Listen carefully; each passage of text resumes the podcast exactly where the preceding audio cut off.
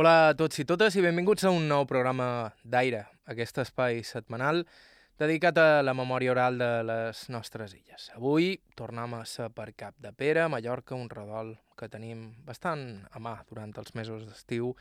Allà vàrem saber que un grup de dones es reuneix cada setmana per fer llata plegades i, clar, això ho havíem de veure amb els nostres ulls. Des de quan vos reuniu aquí per fer, per fer llata? 6 o 7 anys, en Maria. Maria. Ja fa més poc temps. Sí, ja. Niña, Jo crec que fa més, a 8 o 9 per mi. Perquè això s'havia perdut bastant. sí, hi ha un altre grup de dones més majors que nosaltres que en fan més que nosaltres de llata, perquè són més moltes i, i en fan més. Nosaltres fem poca producció, molta xerreira i repús. Presents hi són na Maria Guiscafré i na Maria Vives, però sobretot qui ens interessava entrevistar aquell dia era na Joana Colom, la major de les tres i una dona típicament cavallina. Per allà trobes moltes dones com ella, d'una intel·ligència esmolada, vives i independents, i hi ha una raó històrica per això, i en gran mesura té a veure amb la llata, un ofici que, com gairebé tothom nascut a Cap de Pere, la Joana coneix des de ben petita, però que havia abandonat, deixant-lo de costat, fins fa uns anys que la varen operar i va decidir tornar-hi com a passatemps. Vaig estar dos anys sense poder-me moure gent, després vaig venir a fer llata. Tenia els trossos i vaig, vaig, vaig arribar a quedar ben aturada de tot. I després m'ho posaren una cadira nova a cada banda i ara sí, cool. Podeu estrenar la cadera corrent, no? si és nova. Bueno, eh, costa córrer. Perquè saps què passa? Que dos anys d'estar aturat passen factura. La musculatura de 80 anys no de 60 i el que me falla és que me falla és la musculatura, perquè si no ja correria. Quan via córrer. Potser no serà molt ràpida la carrera, però na Joana és una tot terreny. Fa llata, canta i és una dona implicada en la vida cultural del poble. Ah, i també fa gloses. També, eh? Passa tot l'any. Ara de fer una glosa després. Després és que vaig a fer una calada. I té una cançó de la llata, de Ai, sí. que tenia molt guapa. me la, me la cantava. Si No faria així, jo, perquè van sortir moltes de coses. Així que avui toca sentir la nostra conversa amb aquestes dones de Cap de Pere, conèixer un poc millor un ofici que va forjar l'esperit de tot el poble i de passada sentir-les cantar alguna cançó. Estau escoltant Aire a IB3 Ràdio, us parla Joan Cabot, començam.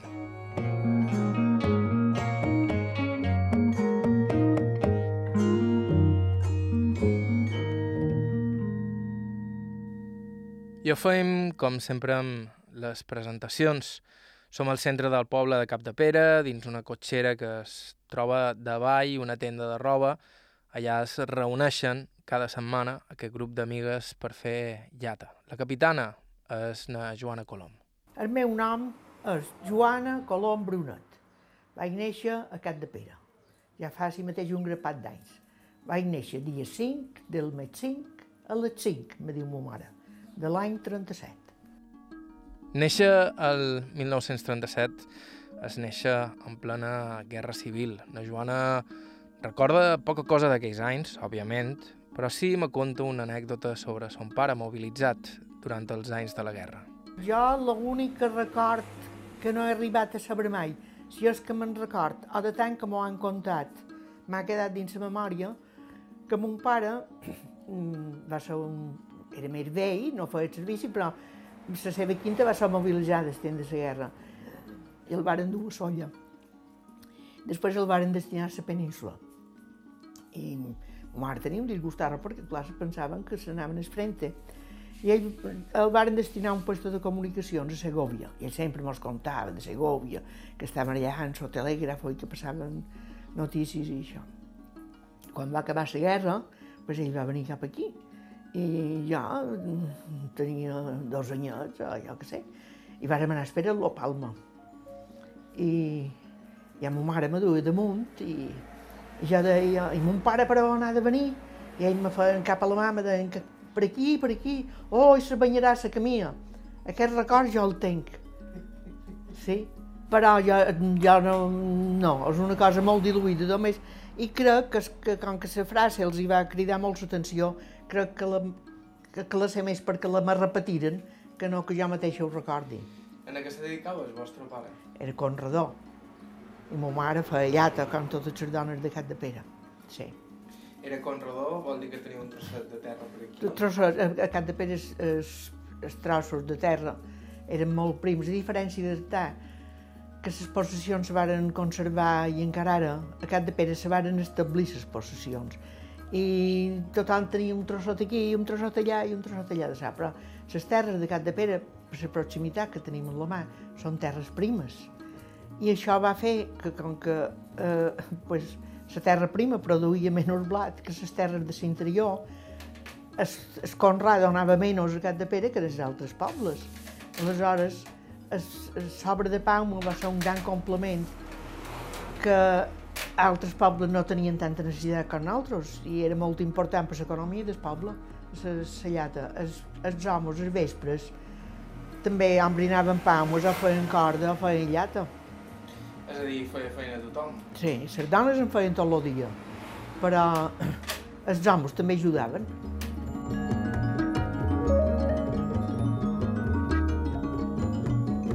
Com explicava Ana Joana, l'obra de Palma va donar durant dècades feina a bona part de la zona, però especialment a Cap de Pere. Allà no hi havia grans possessions, la majoria eren petits pagesos que es guanyaven la vida com podien, i això suposava estretors, de vegades, però també certa llibertat per dedicar les teves hores al que volies, al no tenir un senyor. Les famílies gavellines es varen dedicar a la llata, que implicava a tothom, des de ben petits fins als més grans. Els homes, quan havien acabat de batre, se batia per mes de juliol. Hi ha aquell, aquell adagi que diu per, per juliol, se, com ho diuen, ses, no, ara no ho sé, ara, ara ja no ho sé dir. Res, que per juliol mm, era el temps de, de batre. I quan havien acabat de batre, venia el temps de rebassar palmes. I els homes se n'anaven a la muntanya a rebassar palmes. Els que tenien el tros de palmes que, que se rebassava se deia una barquera. I, i els que tenien la barquera a prop, pues, anaven i venien cada dia. Però hi havia gent de Cap de Pere que tenia la barquera un barca per, per artar. I aquesta gent se n'anaven vuit dies a rebassar palmes allà. I allà se feien arròs, que d'aquí va néixer l'arròs de Paumer, que feien l'arròs en l'ou que tenien allà. I, I després, quan havien acabat de la rebassada, pues les palmes les tenien en el sol durant de un mes, cada punt les giraven un poc perquè se, se secassin de les dues parts, quan les palmes eren seques feien feixos, les s'enduien a casa seva, i a hora de fer-les servir, les posaven a dins un sofredor, que era un, una cosa posta per posar les palmes, les banyaven i posaven sofre davall, i el sofre les fa, torn, les fa tornar blanques i humils, són més bones d'obrar. I a partir d'aquí començaven després a embrinar les palmes, que els homes ho feien molt, d'embrinar les palmes als vespres, fer brins, fer llata, cosir i, i a vendre i a cobrar.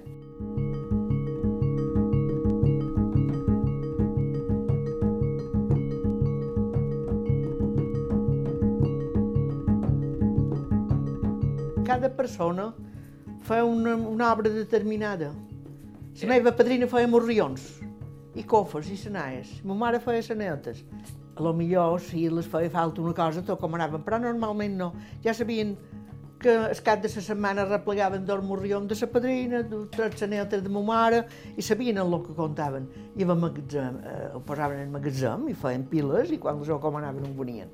Però en, encara, encara jo no en recordo. I llavors, el curiós de, del procés, per acabar, és que això normalment no se cobraven dos més, se barataven gènere. Ara aquí on estem, a dalt era una botiga de robes, i que es diu Son Poca Paia. I aquí, pues, també replegaven pauma, replegaven sanetes, i després venien a comprar roba si havien de menester, feien un compte i apuntaven, després quan passaven per casa teva deien deveu 300 pessetes, ara els dos morrions en valen 50 i ara demà seran 250 i així anàvem fent.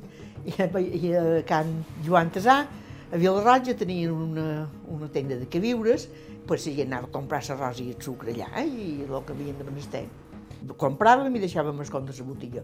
Després el comerciant, quan passava per que teva, dues compte que l'havien fet a la botiga de, de veure tot això, això ja, ja era una nina petita quan feien això. Però eh, hi havia una total confiança, te, te fiaves del comerciant que venien a que teva. Sí.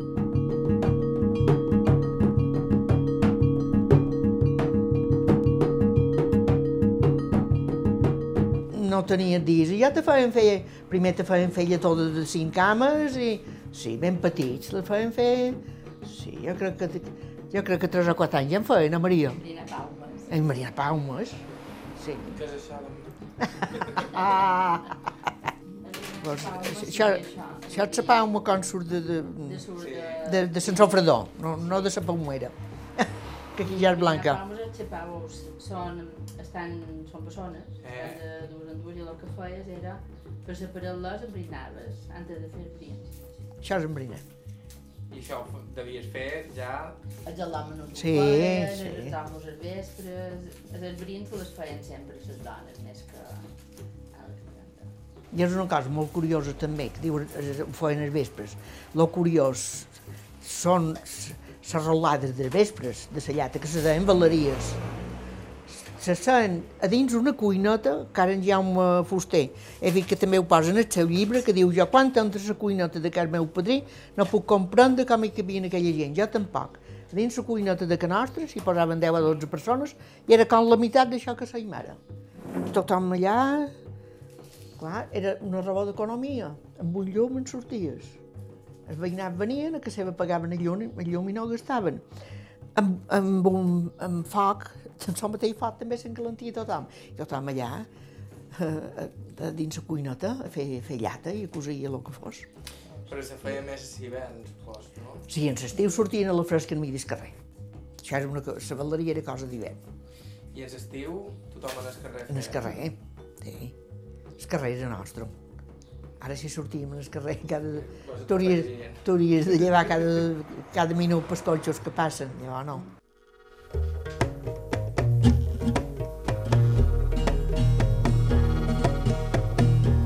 I a més d'implicar tot el poble i tots els membres de les famílies, de nins a vells, l'obra de Palma servia per fer tota mena d'estris, alguns d'ells realment sorprenents.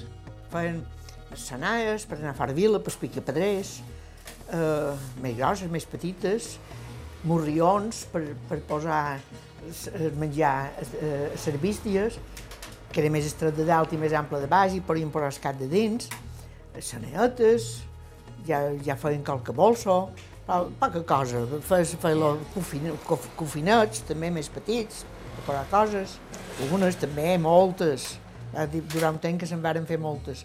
Miquel Bassol, dues comptes, jo en replegava tantes, cada setmana sempre ho diuen. Artà sempre d'això ha tingut més iniciativa que nosaltres. Quan aquí només se feia lo clàssic, Artà ja feien coses, sobretot, que ripuntava, feien, en vez de fer aquesta llata ampla, feien lletó més estret, eh, que això té nou cames i ja en tenia cinc, ja ho ripuntaven en la màquina, que ja és un, una manera de, que ja no és la manera clàssica de fer, però així se feien molt de, molt de bolsos i moltes coses.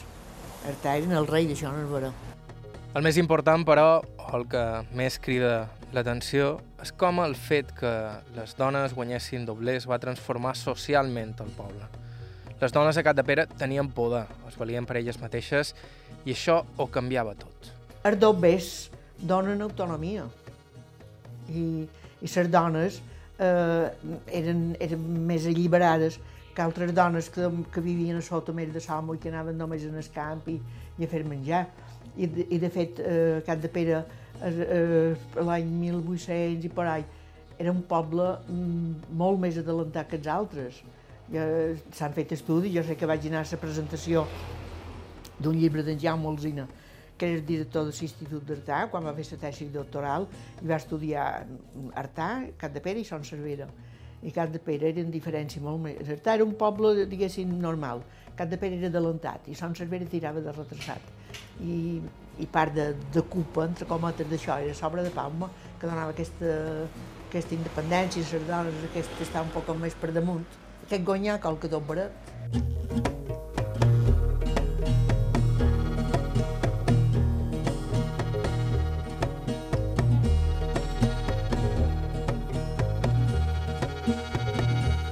I les dones havien fet feina doble, perquè Ei. això, això passa, Sí. passa molt, perquè havien de cuidar els Clar. menuts, Sí, Sí, i la casa. sí. I se posaven a davant el foc, ensellat en les mans, i remanaven. La meva padrina que li agradava fer menjar, bo, perquè tenia gust, estem de fet sofrit a guava. Zum, zum, zum, zum. El sofrit era sagrat. El sofrit era sagrat. Quan havia fet el sofrit, que hi posaves aigua, es tornava a posar feiada. Això ja me'n record molt. Si tenia el son del pare Vilé, estem de, de sembra, estem de recollir i estem d'això, potser les dones també s'anien. Jo anava de Dolors a dinar a mon Sí. pare, i jo passava un guster. I vam deixar anar un pot a bístia per allà al mig. Oh, i sí, cantar. Jo, no, Les bueno, tonades de cera, una Maria no ho sé, però ja cuir moldes i cuir garrobes, la Maria. Ja més, I de, cantàveu. més de cuir garrobes moldes ja no ho feia, però... Eh, que tal? Ai, i si no fos pas carretó, i si no fos pas carretó, i que va darrere, darrere, i ai, ai, no hauria cap somera, i ai, ai, no hauria cap somera, i qui batés un carretó, i qui batés un cavalló. Harry Blau? Era Joana Colom, nascuda el 1937 a Cap de Pere, Mallorca. Quina màgia, aquestes converses de cotxera. Estau escoltant Aire i Vetres Ràdio, fem una breu pausa i continuem.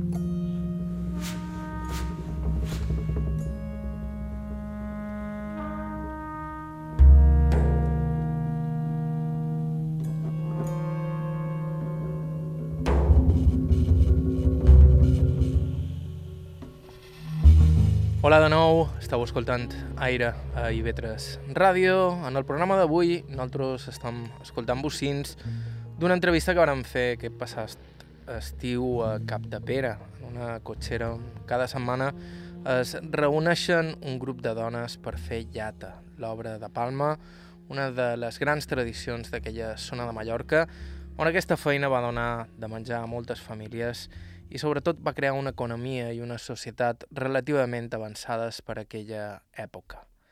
Estam conversant amb Joana Colom, a qui acompanyen Maria Vives i Maria Guiscafré aquell dia. I na Joana ens parlava de com era Cat de Pere quan ella era petita, també de Cala Ratjada i de com Cala Ratjada ha acabat creixent més fins i tot que Cap de Pere mateix. Cat de Pere pues, era un poc més petit que ara, tampoc no és que Cat de Pere hagi crescut molt, Cat de Pere poble. Quan jo era petita, Cat de Pere tenia 2.500 habitants i Cala Rajada en tenia 500.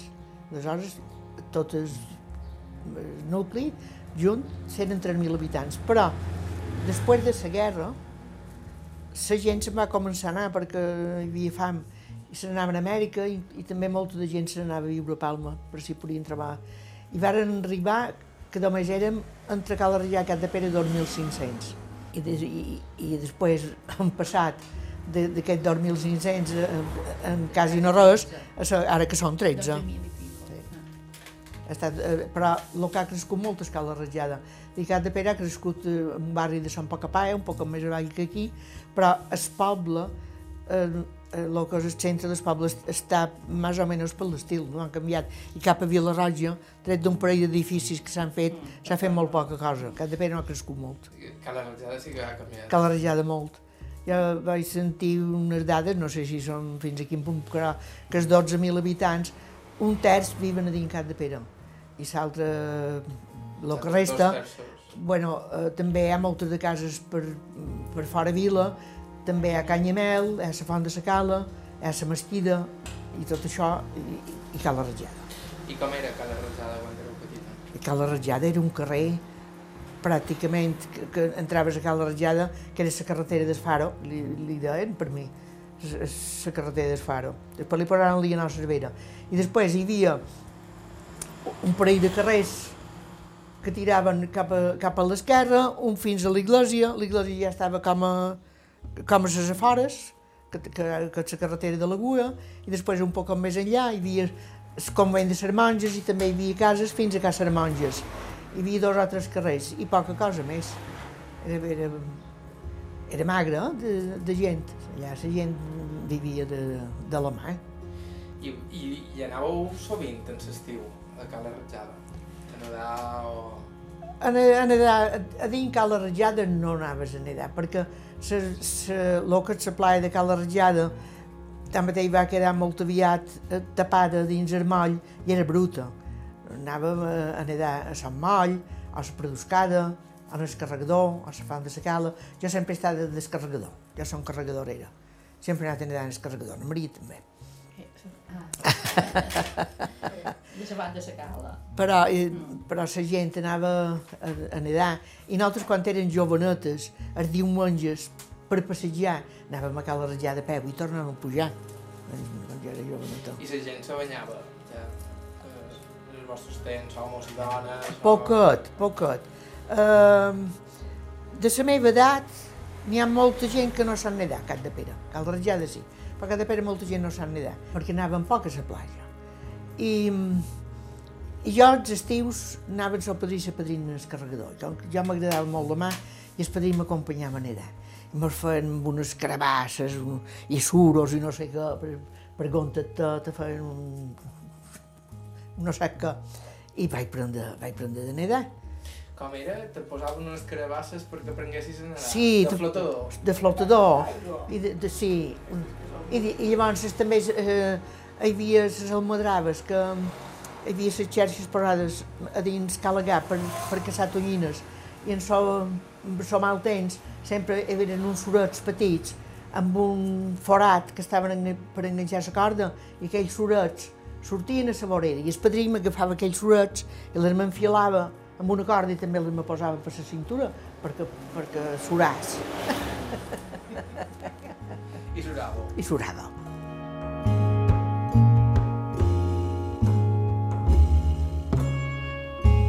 Parlant de banys, cal recordar que en aquells temps, per molts que fossis de la zona a prop de mà, hi havia normes que vigilar, gairebé tot era pecat. Un banyador que havia de tapar, havia de tenir, o sigui, havia de tenir una faldillota, el banyador. Si no, era, era un pecat, si ho duem sí.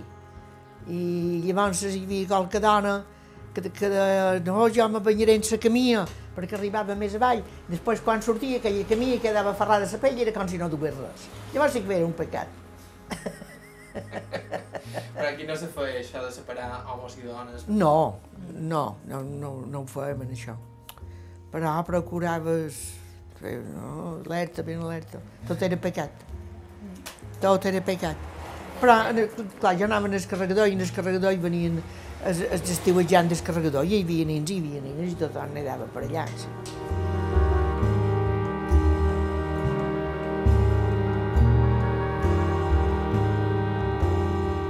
Na Joana parla molt del carregador, ja ho heu sentit, una de les caletes més tranquil·les de la zona de Cala Rajada, una petita cala de pedra, recoïda, i on normalment la mà és bastant calma. Ella ja hi anava de petita i recorda els primers estiuejants que varen fer-se cases per aquella zona. Ara de damunt la platja eh, no venien. La tenien com a donada als frares d'Artà. I els frares d'Artà eren els amos i dueños de la caseta que hi ha damunt la platja. Venia el pare sopa i no sé qui més, i nedaven els frares. Després eh, hi havia la família de, de metge de don Rafael Blanes, les ties de don Rafael Blanes. Tenien una casa i venien, eren dues, dues dones fadrines perquè don Rafael Blanes no tenia sa mare. I les ties eren, eren les que els guardaven. I antes de venir, les ties el feien anar a la mare de devota de Sant Salvador, en en Rafael. I li feien jurar davant la Mare de Déu, vaig devia ser promotre, perquè jurar també era un pecat, promotre davant la Mare de Déu que no passaria del mollon nedant i no sé quantes coses més.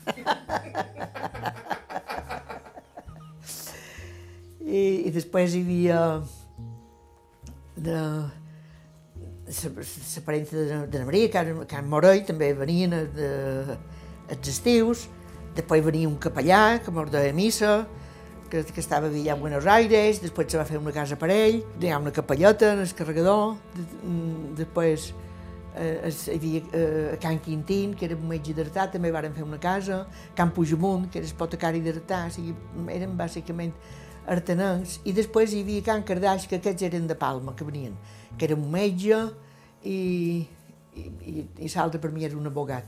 I les dones venien i estaven tots l'estiu. I els homes se n'anaven a fer feina a Palma, ja tenien cotxe ells, i els divendres venien estaven els dissabtes i diumenge aquí i se'n tornaven. Això és el veren descarregador.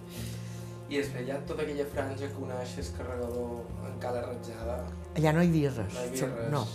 No, la darrera casa, eh, quan quan has passat aquelles parell de cases que se veuen antigues, que són aquestes que tenen anat Can Quintín i Can Puigdemunt i això, fa una curva com molt pronunciada que aquesta casa eh, se deia Can Cardaix, que era, allà hi havia escup que feien la vinya, Can Cardaix, la possessió.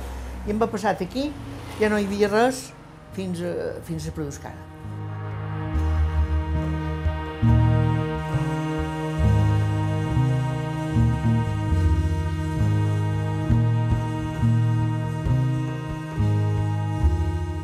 Produscada. créixer tant Cala Ratjada? Va, va, va començar en, en, en el turisme eh, als anys 50. A Cala Ratjada només hi havia un, un hotel, una pensió que era Carbombo. I, i, i varen fer un hotel, varen, fer un hotel que deia el Cortijo, els, els primers que varen fer. I el primer de tot eh, vengueren els lots joves. Ja me'n recordo que jo encara anava a escola, i, i van dir, oh, aquests lots estan en el Cortijo. Després van anar fent, fent hotels, hotels i, i cases i pisos i, i, i ha, ha crescut. La, la, gent més, la gent més emprenedora de Cat de Pere se'n va anar a Cala Ratjada, de posar negocis. De posar negocis. Sí. I a viure-hi.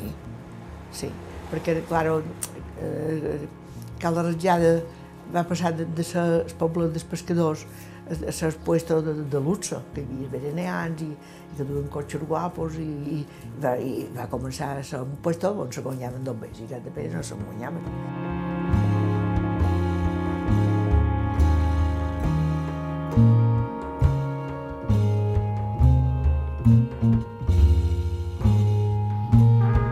I amb el turisme va arribar gent d'arreu per fer feina als hotels, primer dels pobles del voltant com Artà i quan deixaren d'abastar també de la península. De prop de prop, els artenencs. Hi ha molts artenencs a Cal Rajada que hi viven, però llavors començaren a venir peninsulars. I, vingueren fornades, venia, i anaven, els, hotelers potser se n'anaven allà a cercar gent perquè en havien de menester. Després aquell, quan eren aquí, veien com vivien de bé i com vivien a casa seva, i enviaven a demanar els seus germans i els seus parents. I... I Sí. Cala Ratjada ja no té res a veure amb el poblet de pescadors que era un temps, encara que algunes zones encara conserven el caràcter d'un temps ençà. Per exemple, segons na Joana, Cala Guia, la cala més famosa de la zona, ha canviat poquíssim. Això sí, abans era menys transitada. És que Cala Guia pràcticament no ha canviat perquè han posat aquell d'or bars allà damunt la playa, però aquesta casa que hi ha quan arriben a l'entrador, aquesta casa jo sempre l'he vista, de, de, de Camp Balaguer. I, i aquelles dues casetes de l'altra banda, d'Espín de Cervegues, que eren de Camp Mar també. És a dir, que algú està com estava. De manera que mos han tancat molt, ara no podem anar per tota. No. Buet, a la gent de Cap de Pere hi anàvem els diumenges sense el carro, Sí. per prendre el bany, o per dos pits en l'any, per fer una paella i per El, fer... el, di- el dia de l'Àngel, així com molt de puestos, van a fer una romeria, un santuari, ja sé, a Petra van a Bon Any, eh, a la Pobla van a allà, eh, no sé on se diu, a Cap de Pere anaven a la Cuia, a fer l'Àngel. I les festes del Carme ja, ja se celebraven també, ja eren tan importants. Eh, Bueno, eren més magretes. Les- Llavors les, les festes del Carmen eren més magres i les de Sant Roc eren més bones. I després es, va sortir un grup de, de gent, van arribar a caure molt, molt, molt les del, les del Carme fins que va sortir un grup de gent que la Maria en formava part del grup aquest i, i varen començar eh, a promocionar-les, després les agafaren els mariners i ara les del Carme tenen més, més fama i més renom que, que Sant Roc. Sant Roques és Sant de Cap de Pere. No, Sant Roc és de Cal de Rajada, Sant, Bar. Sant Bartomeu és de Cap de Pere. Sant Bartomeu. Però l'església de Cal de Rajada, eh, antes hi havia una iglesieta petita a Cal de Rajada que estava darrere, eh, eh, darrere Carbombo, darrere això de, Carbombo. Un pare me contava que ell, quan era escolanet, anaven a capellà Renxer a dir missa en aquesta capelleta, des, i estava dedicada a Sant Roc. Llavors, quan feren l'església nova, com que ja els pescadors ja tenien empuje, la parròquia se va dedicar a la Mare de Déu del Carme. Però el, el patró de Cala Rajada és, és Sant Roc. I què se n'ha fet d'aquesta iglesia? No en queda res? No, se va, se, se va tomar.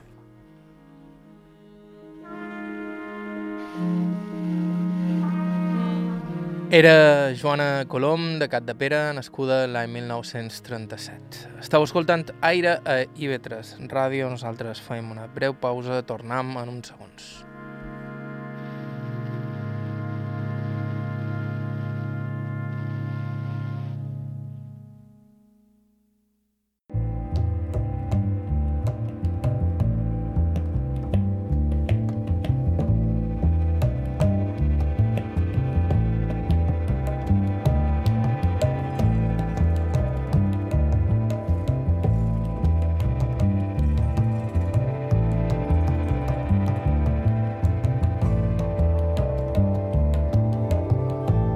Hola de nou, estàu escoltant TV3 Ràdio, això és Aire, un programa dedicat a la memòria oral de les nostres illes.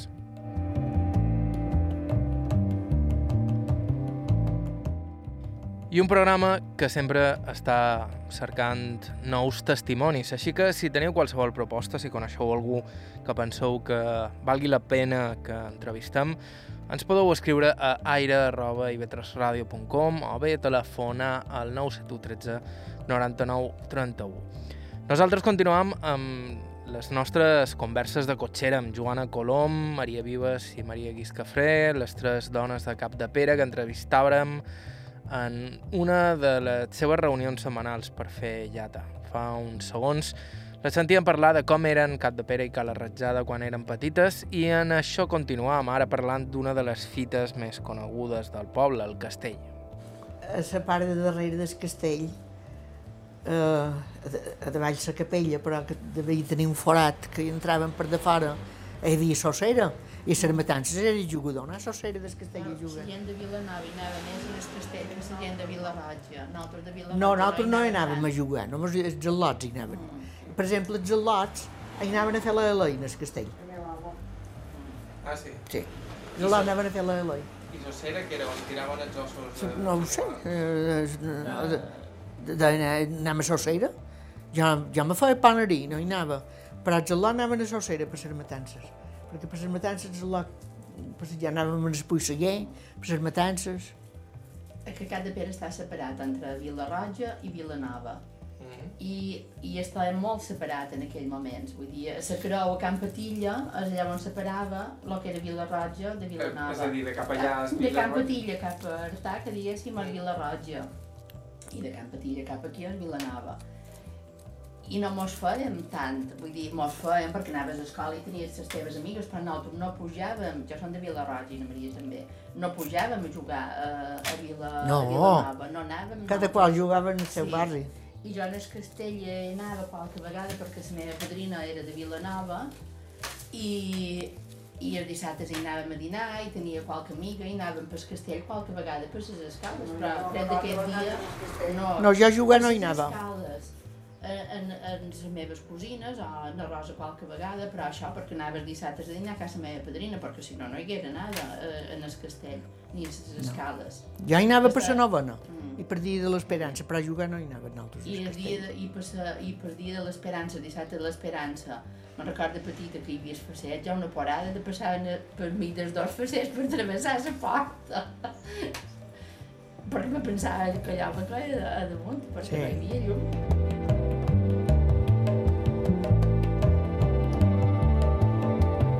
Al castell hi anaven els nins a fer alei alei, diu una Joana. I això de l'ei alei té la seva història. Es tracta d'una festa que, de fet, han recuperat recentment a Cat de Pere i na Joana m'explica els seus orígens. Jo quan era petita me passejàvem pel poble el dissabte de Nadal amb un manat de faes sencers. Tu saps que són faes? No. Saps que són carritxeres? Sí, que les carritxeres fan unes... sí. I de, aquells, aquelles metges allò se- són faes. I un parell de mesos antes de Nadal, els nostres pares anaven a segar faes, feien manadets, les duen en el fons de la vila, damunt la boada. Saps què és la boada? No. Allò, a damunt del forn hi havia un espai que era calent, perquè tenies, tenies foc del forn de, i ja conservava la calentor sempre, i allà era per tobar el pa. Aquesta era la boada. Nosaltres duíem una manadet de faes a damunt la boada dels forns perquè se secassin. I així cremaven bé. I el dissabte de Nadal tots els lots del poble sortien al carrer. I encenien les faes i corrien com a desesperats. El carrer era nostre, no hi havia cotxes per lloc. I cada, cada barri feien el seu foquet, els seus foquets, en cada carrer, potser hi havia cinc o sis focs, això, i, i cantàvem a l'ela i penjant amb un cabell. A nit a nit un gall farcit, demà demà el mos de menjar, passat demà el mos de cavar. I el més grosserot deia, passat demà l'hem de cagar. Però jo, no em poden dir això. I, i clar, quan acabaves el merdet de faes, que ja te cremaves, posaves en el foquet i posaves aquell manat. I ja te servia per cremar el que no servia i per encendre l'altre manat. Després, els al·lots saltaven per damunt aquell foc i era una festada, saps? Tot el carrer anava a l'aire. Jo sempre deia, jo no sé què deu voler això, de l'ela, penjant amb un cabell i el gall, dissabte de Nadal. Bé, això, en sol turisme i en no sé què més, se va abolir, i en els cotxes que passaven, i el canvi de vida. Entre els anys 50 i 60 eh, se, va, se va deixar de fer la llei. Després varen fer una delegació d'obra cultural a Cat de Pere, vàrem intentar ressuscitar-lo, però no va anar bé, a Maria. Varen fer un any o dos, no, no va anar bé. I ara fa 5 o 6 anys ja vaig veure damunt la premsa o damunt la televisió o que faré. No. Sí. Uh, les falles del Pirineu declarades patrimoni eh, immaterial de la humanitat. Falles? Dic, això són les nostres falles. I, clar, hi vàrem entrar a internet a mirar i la informació que varen treure és que és el nostre, això. I és una festa que és guapíssima. És a dir, eh, eh, ho fan en el Pirineu català, en el Pirineu aragonès i en el, i en el Pirineu d'Andorra. I en, el, I en el sud de França crec que també. Clar, i, i, els, i els, els tres governs, el govern de França, el govern d'Andorra i el de- d'Espanya, els tres governs demanaren eh, eh, a la UNESCO i com que era un, una petició de tres governs va tenir més força i les concediren. I resulta que fa, hi ha, el que jo vaig llegir, hi ha 62 pobles que fan això en els, en els Pirineus. Però dels 62, mm, només n'hi ha dos que ho fan en hivern, els altres ho fan en l'estiu. Això se fa a per solstici d'estiu, que és Sant Joan, a per d'hivern, que és el nostre, que ho fem per de Nadal. I els, i els que ho fan per Nadal, que jo ho vaig mirar un poc més, pues, un puesto que ho fan és a Gavà. pugen a damunt la muntanya encenen el foc. Clar, I allà és, és, un, és una celebració, això, és precristià. que, Claro, i, i feien, feien una pregària en els déus, per les cuites, per les famílies, per, és- feien una pregària i, i després baixaven en les falles enceses cap en poble. I en el poble feien el mateix que feien nosaltres aquí. Un foc, els al·lots saltaven, i dic, això és el mateix nostre. I van començar a parlar, i van començar a parlar, i mos ha duit molta de feina. Jo fa d'haver 3 o 4 anys que hi vaig darrere, però l'any passat ho varen fer això. Tingut una gran acceptació. Ha estat una festa guapíssima. Però, clar, nosaltres vàrem pensar que el dissabte de Nadal no hi cabia, perquè primer només feien les matines, en els pobles i per tot. Ara fan matines i fan sopar de Nochebuena. Les dues coses ja no hi caben, quan més n'hi poses la cafeteres. I nosaltres tenim l'esperança, que la feim vuit dies antes de Nadal, i vam dir nosaltres el que hem de fer és un pre-Nadal, han de, han de fer una, una LLI que en vez de ser Nadal sigui pre-Nadal. I vàrem encendre un foc, perquè l'Ajuntament no ens va deixar encendre foc dins el castell, que és el que a nosaltres ens hagués agradat, però quan puges al castell hi ha un- una plaça que està molt torta, que se diu la plaça Vella, i vàrem anar a encendre foc allà de dins, allà de- al mig de la plaça, i, i vàrem anar a les escoles a explicar el que era la LLI, després hi va haver una gent que es va sortir voluntària per anar eh, a segar les falles, i que hi va haver Maria de Bé 60 lots, eh? i gent gran, i, i, i cantant a la, la, i després, quan van ser aquí baix, van fer un, un foc, que tiraren tothom els, els restos, els lot votaren, van fer una festada. I ara, de moment, ho han recuperat. I ara, eh, eh, un dels qui ho van organitzar, que, que, que és en Pere Cortada, m'ha dit que ell ha xerrat en sort de, de Catalunya i que tenen una il·lusió per venir aquí i per compartir-ho, diu, tornen locos quan veuen que fan el mateix que ells.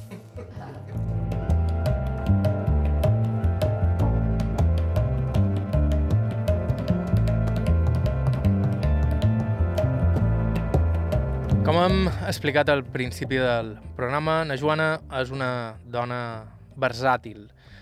Així t'explica com fer llàtera, com te fa una glosa, com te canta una tonada escrita per ella mateixa sobre l'obra de Palma o la platja que més li agrada del món, el carregador. És difícil no enamorar-se d'aquesta dona. Tots han vengut per reviure una baleria, embrinant paumes, esposim a mi feim brins. Després feim llata i cosim i feim boretes, a ses xanaies, xanaetes i esposims. També feim corda per poder passar ses anses, i llata en puntes per fer guapos escofins, teixint lletó per fer capells i bosses fines i feim estores per profitats esposims. Ai, cap de pere, ara és tard de festa. Escolta bé com te cantar margabellins, cançons apreses a cerveleries, que mos recorden nostres pares i padrins, quan se n'anaven cap a sa barquera, rebassant paumes fins que quasi era de nit cantau feia festa tot junt feinga vella, anant fent poble mentre que els brins, tim-pum. I aquesta l'heu fet a vos? La lletra l'he feta jo, la lletra és d'estudiantina portuguesa, música, estudiantina portuguesa. No és feta meva, la música. L'heu aprofitada, Ah, reciclada. la música sí. Ara jo, descarregador en tenc una de feta meva perquè és la meva que I diu, jo estimo un racó, morera de mà, és encantador, més vell no n'hi ha. M'agrada somiar mirant els colors d'aquest tros de mà, que el cel i verdós, carregador, ma platja estimada, carregador com tu no n'hi ha. Carregador, qui ve una vegada, marcar el morrissada, mai t'oblidarà. Marcar el morrissada, mai t'oblidarà. O vell tamarell, deliciós redors, feliços moments, a sombra repòs, ni fresques d'estiu són per somiar. La lluna somriu mirant-se en el mar. Carregador, ma platja estimada, carregador, com tu no n'hi ha. Carregador, qui veu una vegada marcar el morrissada, mai t'oblidarà. Marcar el morrissada, mai t'oblidarà. Aquesta no l'he manllevada a ningú. Aquesta és guapa. Aquesta és música i lletra.